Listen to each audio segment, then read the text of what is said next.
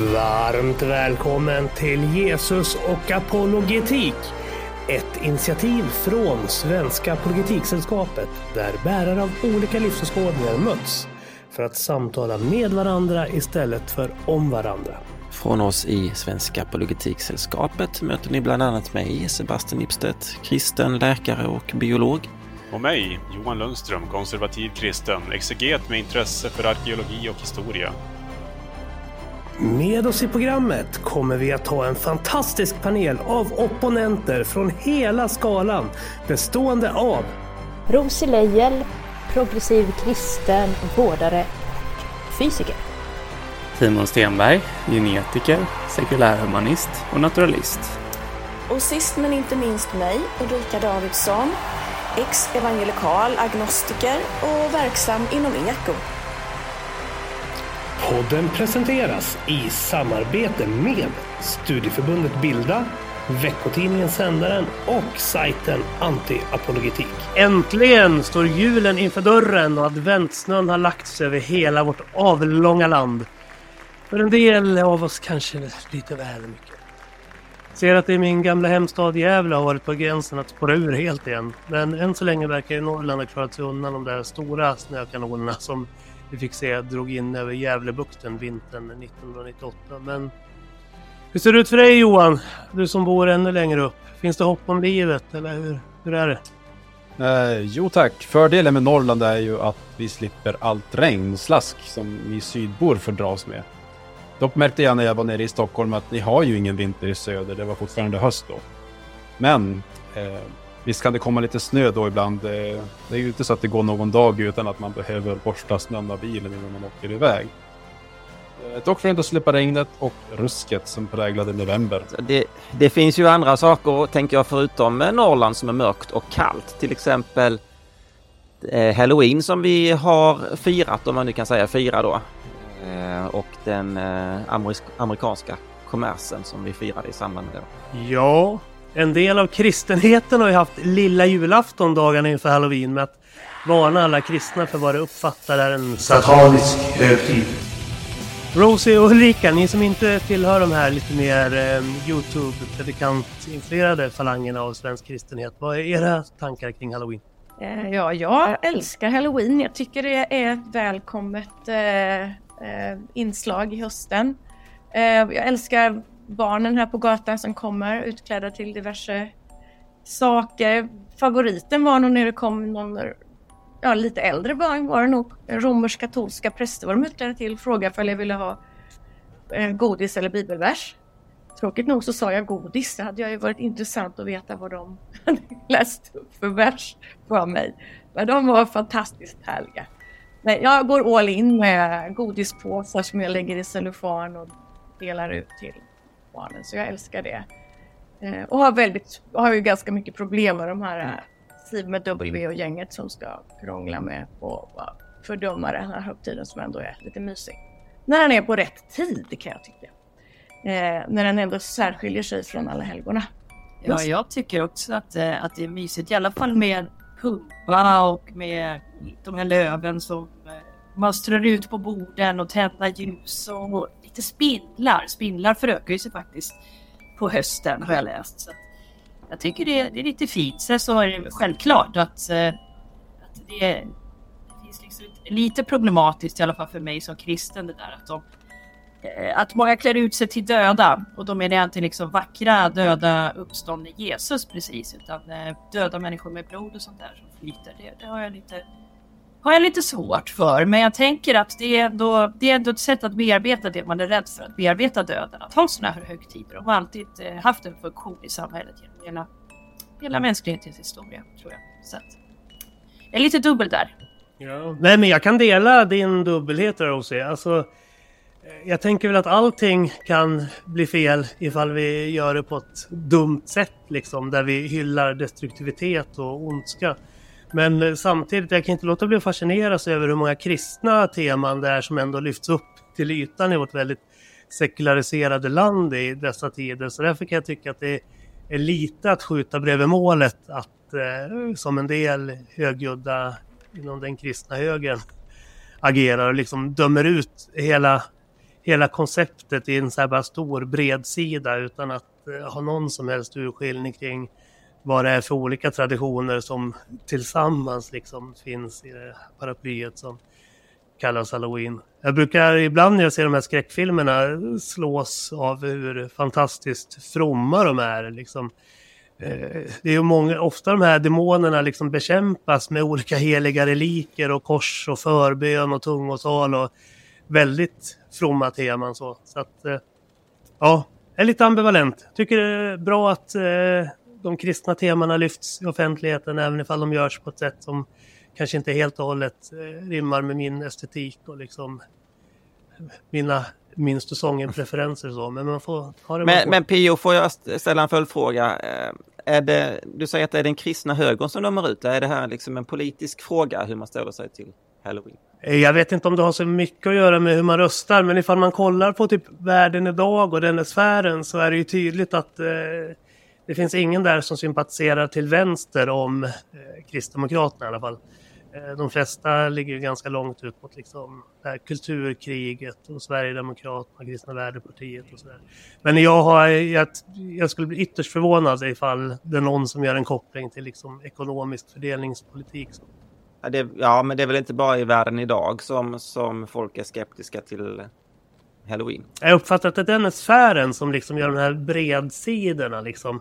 Där man inte i likhet med till exempel Rosie går in och kritiserar enskilda uttryck och att liksom eh, hylla explicit och kulta och liksom demoner romantiserande delar utan där man liksom säger att allt som har med det här att göra är en demonisk influens.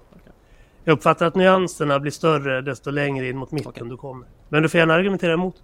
Ja, nej, jag har inte, jag har inte reflekterat över eh, var man står politiskt eh, och hur den kopplingen till Halloween ser ut. Intressant eh, spaning. Men Simon, vad tänker du då om det här med skräck och halloween och att helt plötsligt så segrar Jesus blod över mörkret på varenda tv-kanal du, du slår på? Ja, alltså jag tror att människan alltid har dragits till berättelser och spänning som har varit en stor del av vår kultur.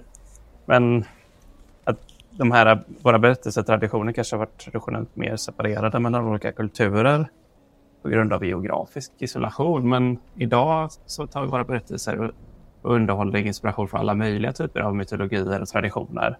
Nordisk mytologi, grekisk mytologi, judisk mytologi och kristen mytologi. Det är romerska gudar och nordiska gudar i diverse olika superhjältefilmer. Och att kristen mytologi har lite av en särställning i västvärlden är väl föga förvånande, förvånande med tanke på att det praktiskt taget hela Europa har varit kristna teokratier, teokratiska diktaturer i många sekel. Och det har satt djupa spår i den europeiska kulturen. Och jag tror inte att skräckfilmernas demoner har något annat djupare eh, betydelse för den sekulära människan än Marvels version av nordiska mytologins Tor. Men i just skräckens värld så kanske en kristen mytologi är särskilt tilltalande rent dramaturgiskt och kulturen innehåller samt ibland delvis centrala komponenter av kristen teologi såsom blodsritualer, blodmagi, nattvarden, levande döda, döden i allmänhet, demoner, avrättningar, tortyr med mera. Eh, detta utöver den kulturella gräddfil som kristendomen har i Europa utifrån vår historia. Så kristendomen är en del av mitt kulturarv också som ateist i och med att jag är född och uppvuxen i Europa i den historiska kontext jag är. Och jag tror väl också förvisso att spiritismen och nyandlighet frodas på sina håll i det sekulära Sverige. Ehm, och har nog inte så mycket att, samma, att göra med samma förklaringar som vad som föder halloween och, och nunnor i skräck. Utan det handlar nog mer om att eh, ja, minnena av nära och kära som gått ur tiden, som lever kvar, att man utifrån dem kan känna det som om de vore närvarande och misstar för att det, att det vore faktiskt sant. Eh, och nyandligheten tror jag personligen inte tar sig uttryck i genom Harry Potter och The Omen eller eh, Halloween, utan det är nog mer åt hållet av det okända på TV4 och anden i glaset eller kanske då alla helgona. Och demonerna och djävulen i populärkulturen tror jag mer har samma förklaring som fenomen som Marvel berg och dalbanor, fallskärmshoppning och Lovecrafts skräcknoveller. helt enkelt spänning och underhållning. Vad säger du Johan? Eh, för mig är det svårt att säga. Jag har ju inte sett så många av de här omnämnda filmerna som P.O. snackade om, då, förutom Exorcisten. Men det var flera år sedan, så jag har väldigt svaga minnen av hur filmen var. Eh, tyvärr har jag inte så mycket reflektioner om varför övernaturliga fenomen i filmer skulle locka en sekulär publik. Kanske har det inte så mycket emot att se filmer om det, även om, så att de inte har så mycket emot att se det, trots att man inte är eh, kristen då, eller att man inte tror på det övernaturliga. Jag gissar på att folk vill uppleva spänning och, och vare sig man är kristen eller inte så finner man viss spänning i det övernaturliga. Och som Simon sa nu då så har vi ju sett exempel på detta i vissa Marvel-filmer men det är ju inte nödvändigtvis baserat på kristen teologi. Eh, jag får inte, jag får inte uppfattningen att det skulle vara en attraktion som härstammar från osäkerhet vad gäller kristendomens sanning. Vi har ju i våran bokcirkel nyligen fått reda på att new age är väldigt populärt i Sverige. Så jag får uppfattningen att även om Sverige ses som ett av världens mest sekulära länder så finns det ändå en stor dragningskraft till det andliga bland många svenskar. Vad gäller Halloween så säger den cyniska sidan av mig att detta är en högtid som Sverige i huvudsak har anammat sig från USA för att i kommersiellt syfte sälja halloween-kostymer och halloween-pynt. Precis som julen har blivit mindre till för att fira Jesu födelse och mer till att sälja julklappar och julpynt. Om jag hade valt en högtid att anamma mig från USA så hade det hellre varit Thanksgiving för då hade man ju haft ursäkt att besöka familjen lite oftare varje år. Men det kan man ju inte göra någon finansiell vinning på så jag håller inte hoppet uppe för att det ska bli en grej i Sverige. Eh, med det sagt så bollar jag över till Sebastian. Vad säger du om det här? Eh, nej men eh, så när det gäller intresset för Halloween så tänker jag att det finns ett, som du säger Johan, ett stort intresse för andlighet i, i Sverige. Och Sverige är ju inte så sekulariserat som man ofta tänker sig. När det gäller nyandlighet och, in, och new age då så, eh, så är det ju så, men, men även kristen tro. Det finns ju en teori att, att intresset för det andliga ska, ska liksom avta för varje generation. Men i själva verket så är det precis tvärtom. Eh, som institutet då i Göteborg, de, de har ju undersökt sedan 80-talet hur viktigt frälsning är för svenskarna. Hur viktigt man tycker att det är då. Och eh, statsvetaren Magnus Hagevi, han, han publicerade siffror eh, nyligen då, som visade att personer över 40 år, de tenderar att tycka att det är mindre viktigt. Det finns en trend som är nedåtgående där. Men för personer under 40 år så ökar eh, då hur viktigt man tycker att det är med frälsning. Och det inkluderar ju sånt som ja, omvändelse och nystart i livet och, och, och sådär då. Ehm, så det blir viktigare för yngre men eh, som de centrala som kristna ehm, lärarna här då, men även ett generellt intresse för det andliga. Eh, och jag tänker att det är inte så konstigt därför att människan är, eh, tror jag, religiös till sin natur. Det finns många religionsfilosofer och, och, och sociologer som menar det då. Att människan har en, en inneboende eh, längtan efter det gudomliga eller det andliga då. Ehm, och den sekulära världsåskådningen har, har ju inte visat sig vara till, eh, tillfredsställande. Den kan liksom inte fylla, fylla människans behov av, av mening och, och syfte och identitet och så vidare. Uh, när det gäller halloween, då, jag tycker det är egentligen ganska, ganska ointressant. Jag tror inte det är farligt att fira det, men jag tycker det finns tillräckligt med ondska och elände i världen ändå så att eh, jag ser inte varför man ska, ska fira det. Jag skulle hellre, firar ju hellre alla helgons dag och alla själars dag. Eh, det tycker jag är mycket, mycket finare och trevligare högtid. Och nu är det ju snart eh, jul och då firar man ju motsatsen till halloween då, att, att ljuset kom in i, i världen. Världens ljus föddes som människa. Så att jag firar hellre ljuset än mörkret. Eh, men ja, ja nej, men vill man fira halloween så får man väl göra det. Men, men jag, jag eh, tror ju som, som både du och Johan och Pio var inne på att det finns en, en andlig verklighet som, som vi ska ha respekt för. Också. Mm. Mm, mm. Nej, men och sen att komma ihåg vad Paulus själv säger, att det är inte det som kommer in i människan som gör att vi blir fallna, utan det som kommer ut ur oss, hur vi beter oss mot varandra och hur vi liksom uppför oss och tänker om varandra. Det är det som är det viktiga i hur vi liksom lever ut vårt kristna liv. Inte att hålla på och springa runt och i ett högt uppskruvat tonläge bete oss som muppar, vilket jag tyvärr tycker att många, många gör som tillhör de här väktarbloggarna.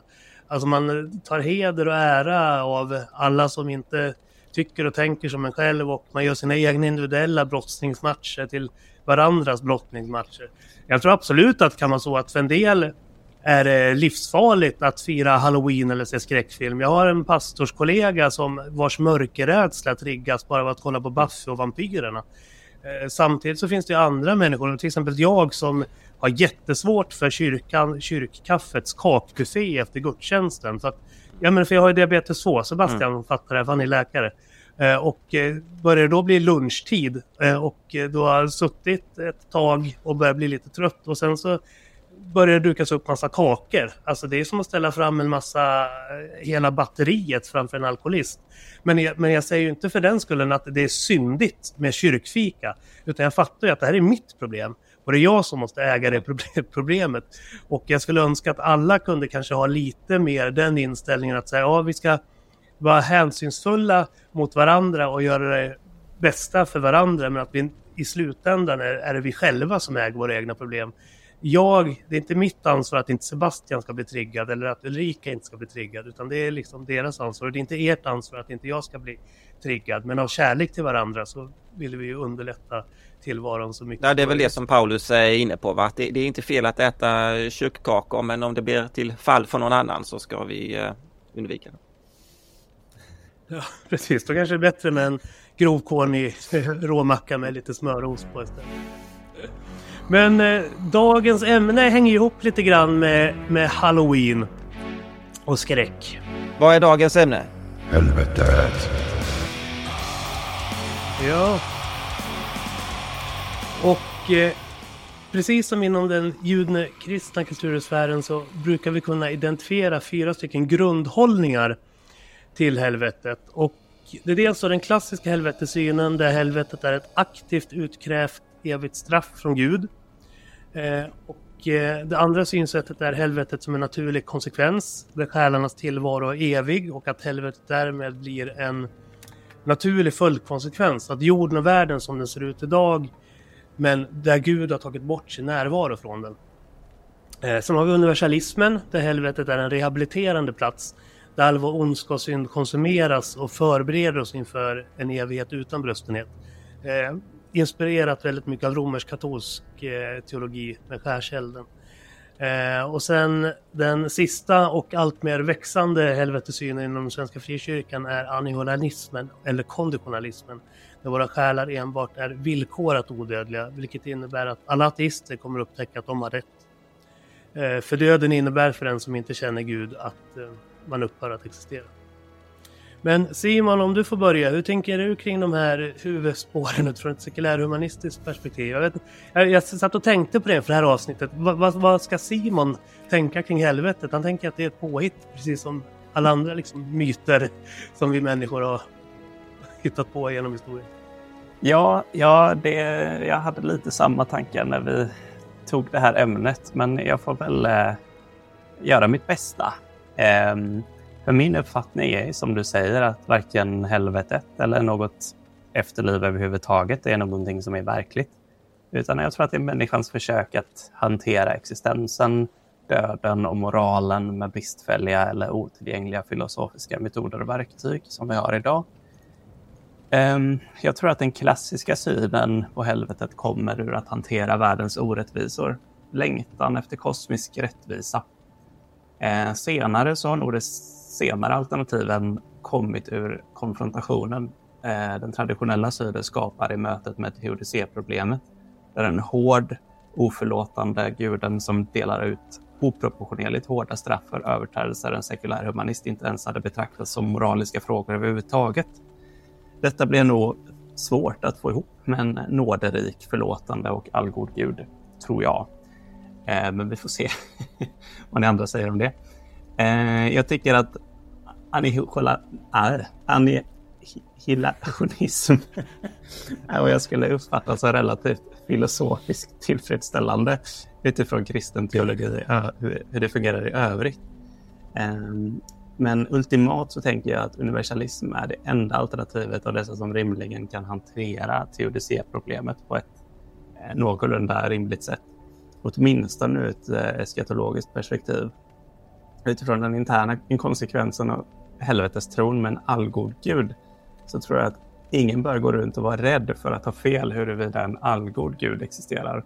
Det vore väl dock tråkigare om en ond gud visar sig existera som skickar oss alla till ett helvete.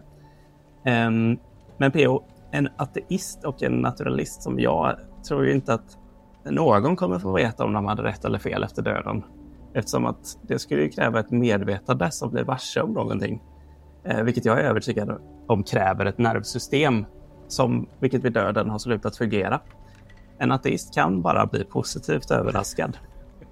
Eh, men vad jag tror om religiösa interna stridigheter om helvetet är nog mindre intressant. Så låt oss höra vad Johan eh, tänker. Så jag förmodar stöder någon av dessa alternativ. Ja, mitt mål är ju att ha en så biblisk förståelse av vad helvetet är som möjligt. Det är dock inget jag har studerat på djupet, så jag har inte nödvändigtvis några starka åsikter om att det här är vad jag står fast vid.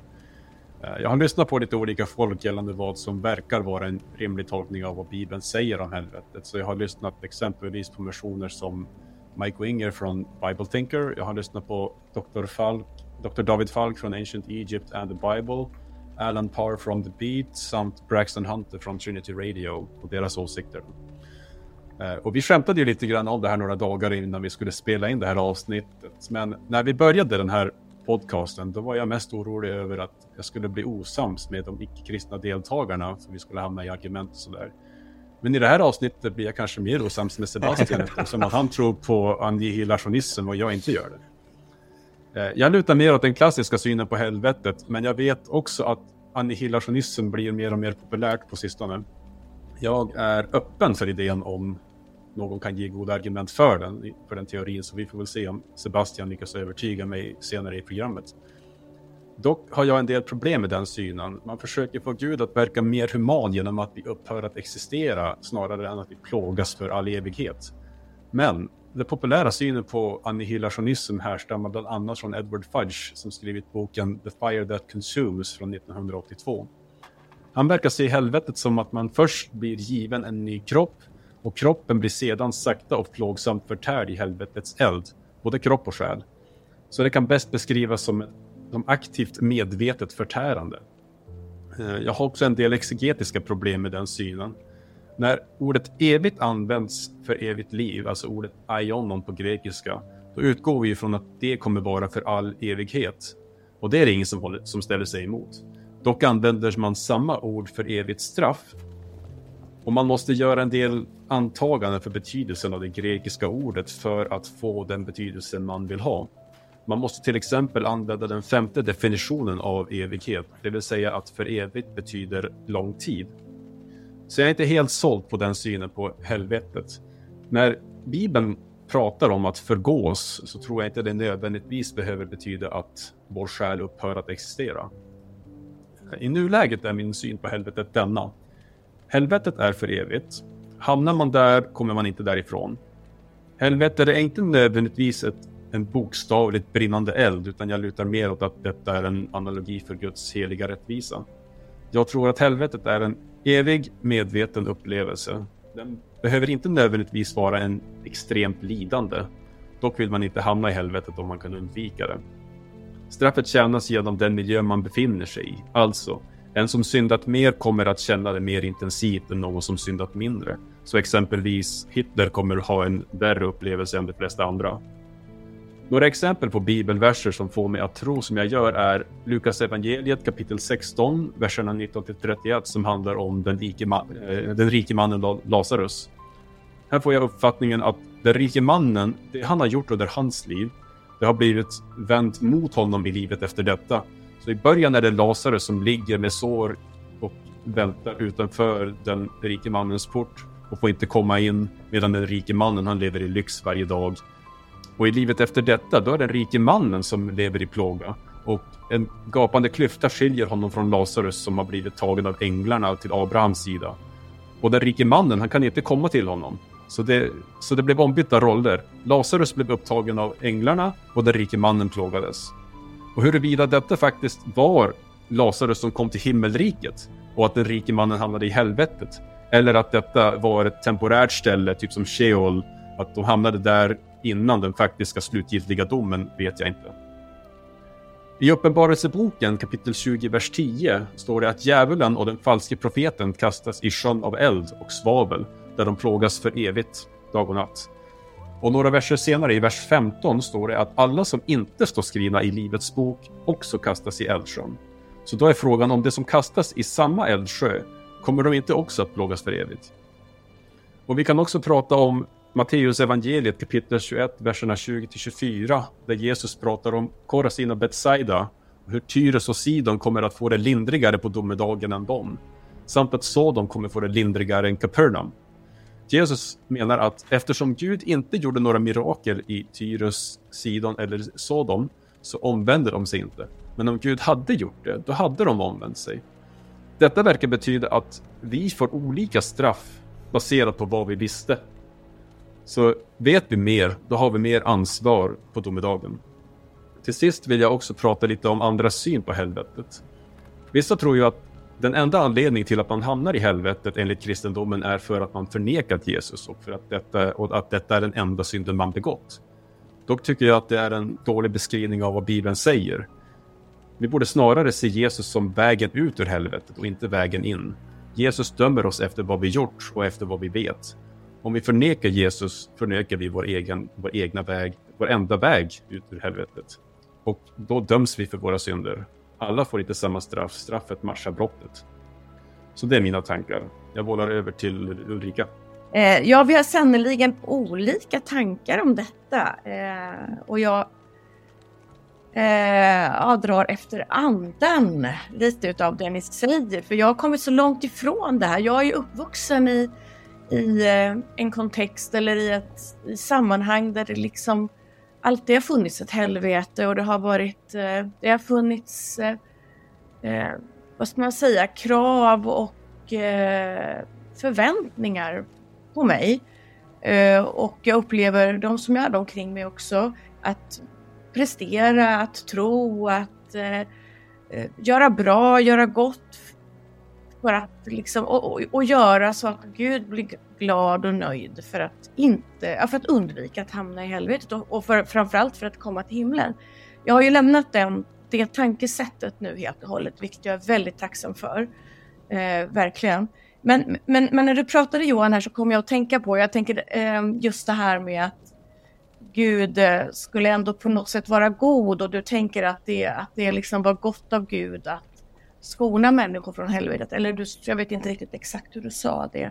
Eh, men att du liksom inte håller med om det utan att och jag, jag tänker på en, någonting som Bishop Gene Robinson skriver att den har ni säkert hört.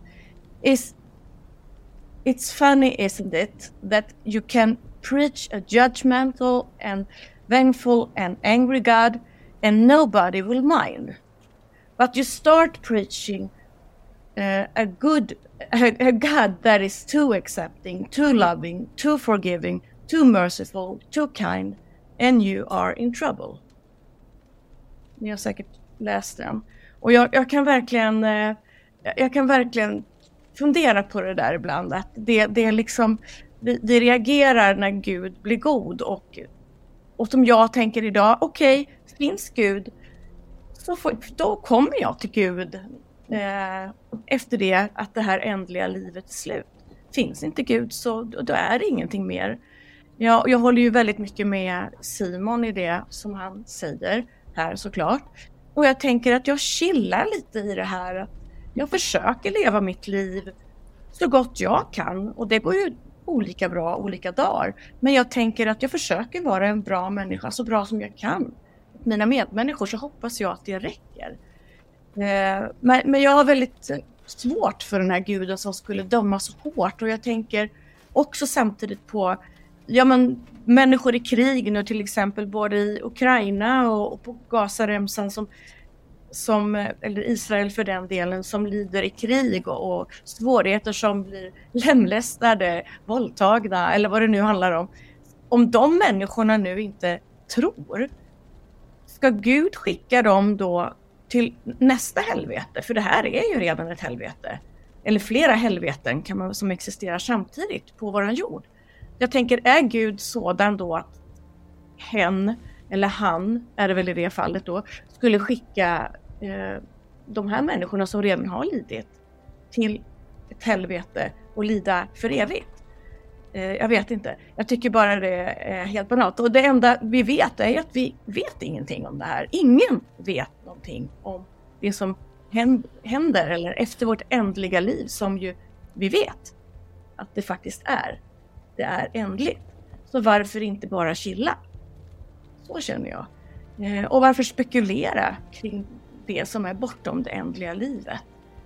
Eh, och varför är det viktigt att på något sätt skrämma människor till en tro? Hota människor som inte tror eller tror rätt. För tror man inte så tror man inte. Och, men då, då ska man då få veta. Tror du inte eller inte tar emot Gud i ditt liv så, så då, då går det dåligt för dig. Då kommer du till helvetet. Jag förstår inte den. Det är, det är inte ens logiskt för mig. Och jag, jag, reagerade, jag tror att det var, om det var i höstas nu eller om det var i somras, eh, det var någonting som stod i dagen om något som heter brevlådemissionen. Där reagerar jag rätt kraftigt. Att man, det är några tyskar som, som fått för sig att de ska sprida ut biblar till hela Sverige. Och man kan då, man kan då anmäla sig till det här som, som eh, församling eh, och vara med och dela ut biblar. Och det kan väl vara fint så. Men jag tänker varför dela ut biblar till de som inte vill ha det? Det, det tycker jag är... Eh, jag reagerar starkt på det. Och det finns något som heter Bibelnationen, boken om hopp för barn. Och det reagerade jag kanske mest på. Och i den här boken så står det då till de här barnen om man inte tar emot Jesus som sin bästa vän i livet så kommer det gå, gå illa för. Då kommer man komma till ett mycket hemskt ställe. Så att, det är väl okej att vuxna då ska få, få på något sätt ta ställning till det här. Men att, att säga till barn eller skriva i en bok för barn som ett hopp. Att om man inte tar emot Jesus, som man såklart inte vet vem det är, vem är det för gubbe med sin vän, så, så, så går det dåligt för en. Det är fruktansvärt om någon frågar mig. Fruktans, fruktansvärt är det i mina ögon. Och då tycker jag att det är hundra gånger bättre med Halloween på Liseberg där man kan säga till barnen, du det här är läskigt men det är inte på riktigt. Det här är bara skämt. Men det, kan, det, det säger inte till barnen här i den här boken Hopp, utan det är inget skämt. Du hamnar på ett hemskt ställe.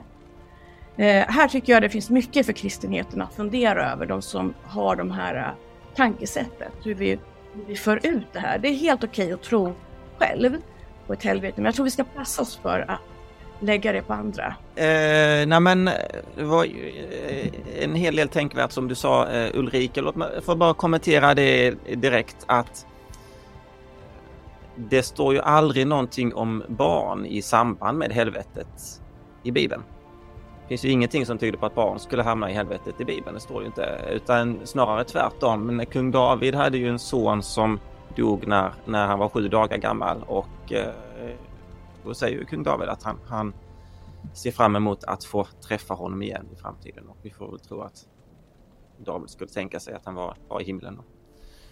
Eh, men eh, debatten har ju redan börjat och Johan, vi behöver ju inte bli ovänner bara för att du har helt eh, fel. Eh, utan vi kan ju vara vänner ändå, så det behöver du inte vara orolig för. Men, eh, du har ju rätt i att jag inte håller med dig om den här traditionalismen som den brukar kallas då, den, den tolkningen. Men, men annihilationismen har ju också funnits eh, genom hela kyrkans eh, historia.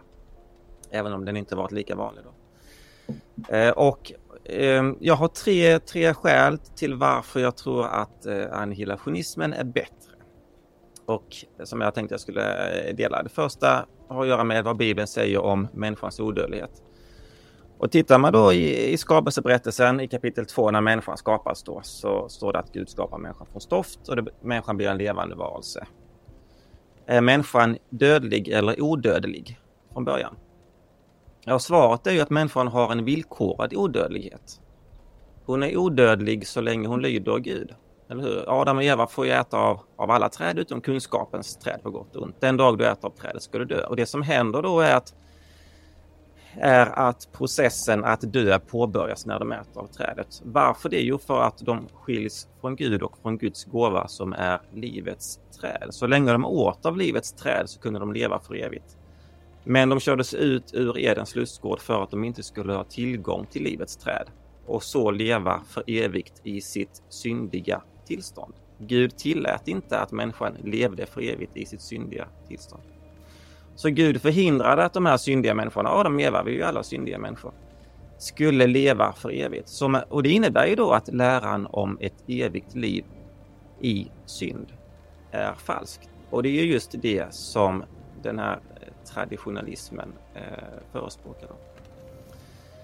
Så odödligheten gick, gick förlorad med Adam och Eva och hur får vi då den tillbaka? Jo men det är ju villkorat.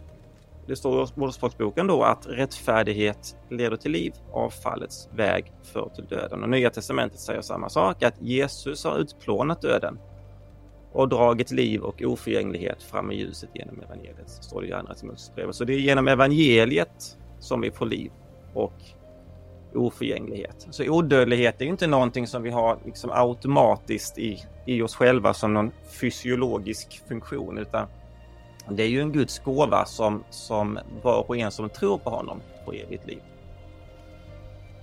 Um, Johannes 3.16 och, och, och, eh, så att det, det, är någonting som Gud ger oss i Kristus då. Uh, och sen det andra, uh, och det här knyter ju an till det som du sa Johan då, det har att göra med betydelsen av ordet evig. Och då är vi överens om att evig det betyder för alltid. Där skiljer vi oss inte. Det är inte så att liksom annihilationister menar att, att evig betyder bara en väldigt lång tid. Men frågan är vad är det som är evigt? Är det händelsen i sig eller är det konsekvenserna som är eviga? Det står i Hebreerbrevet om evig frälsning. Men betyder det att, att vi blir frälsta gång på gång på gång eller betyder det att konsekvenserna av vår frälsning är eviga? Och när det står i Hebreerbrevet eh, kapitel 6 om evig dom, då betyder inte det att Gud kommer att hålla på att döma alla människor om och om och om igen. Utan det betyder att Gud kommer att döma alla människor och konsekvenserna av den domen är eviga. Eh, och det står om evigt fördärv. Det betyder att, att de här människorna är fördärvade för evigt. Det, det står inte om evigt fördärvande. Det är substantivet som är evigt, inte verbet. Eh, så, så eh, samma sak med evigt straff. Det är ett evigt straff i, i Matteus 25, inte ett evigt straffande. Så konsekvenserna eh, är eviga, men inte handlandet i sig. Domen är evig, men inte dömandet. Och det tredje har att göra med Guds godhet då, det tredje skälet. Och då, då, tycker jag att annihilationismen bättre förklarar Guds godhet. Därför att vad innebär Guds godhet? Det finns ju två sidor av Guds godhet. Det ena har att göra med att Gud är kärleksfull, han är barmhärtig, han är generös, eh, har, har, eh, han älskar oss var och en mer än vad vi kan föreställa oss. Och den andra sidan är att godhet innebär att Gud är helig. Han är moraliskt perfekt. Och det betyder att, att ingen, inget ont kan existera inför Gud. Eh, och det här får då vissa konsekvenser då, eh, de här två aspekterna av Guds godhet då att om Gud är moraliskt perfekt så kan ondskan inte existera i längden, det vill säga helvetet skulle inte kunna existera i längden utan det måste förintas. Och frågan är då hur går det till? Om tittar man i Gamla Testamentet så är straffet när Gud straffar någon, det är alltid proportionerligt mot brottet. Det är all, Guds straff är alltid begränsade i tid, begränsade i intensitet. Dödsstraffet är ju det strängaste straffet. Och det är annihilationismen, det är ju, det, det är ju ett dödsstraff. Traditionalismen, det är ju inget dödsstraff. Det, är ju, det handlar ju om, om eh, tortyr och evig plåga, men tortyr är ju strängt förbjudet i Bibeln.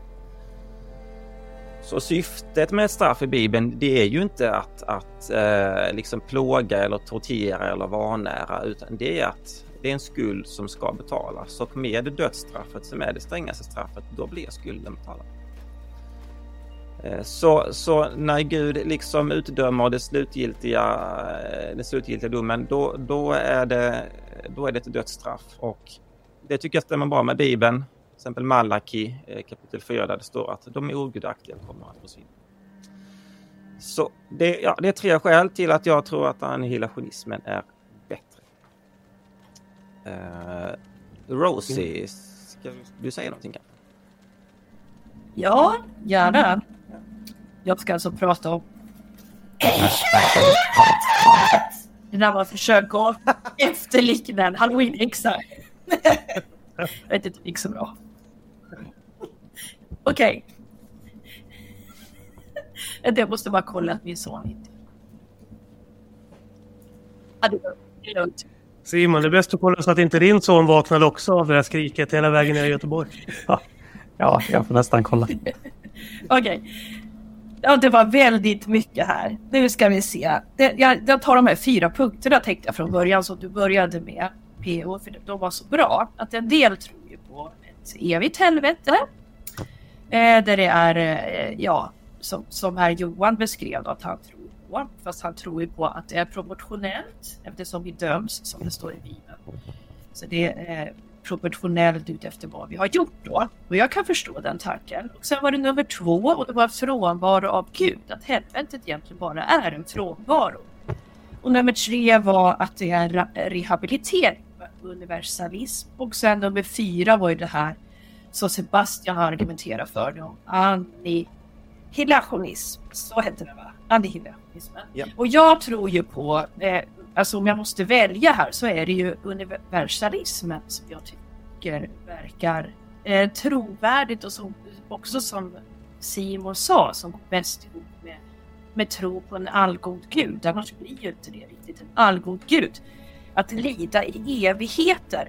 Alltså inte ens Hitler förtjänar ju att lida i evigheter för vad han har gjort. Det tycker jag faktiskt inte. Evigheter är en väldigt lång tid. Kan däremot tänka mig en form av, av lidande där man liksom får anta eh, motpartens roll. Så att Hitler till exempel blir eh, en av offren som torterades eh, i koncentrationsläger. Jag kan tänka mig liksom att något sådant kommer hända på andra sidan. Att man får uppleva det som man själv har gjort mot andra. Och det kan vara väldigt lång tid. För man kan sen liksom få uppleva eh, hur nästa generation lider av det här. Och alltså det blir väldigt mycket upplevelser. Man kanske har sårat tusen personer i sitt liv. Så det kanske blir tusen år av lidande till exempel. Men något evigt eh, ser jag liksom inte. Jag vet att det står så i Bibeln konkret att det ska vara för evigt.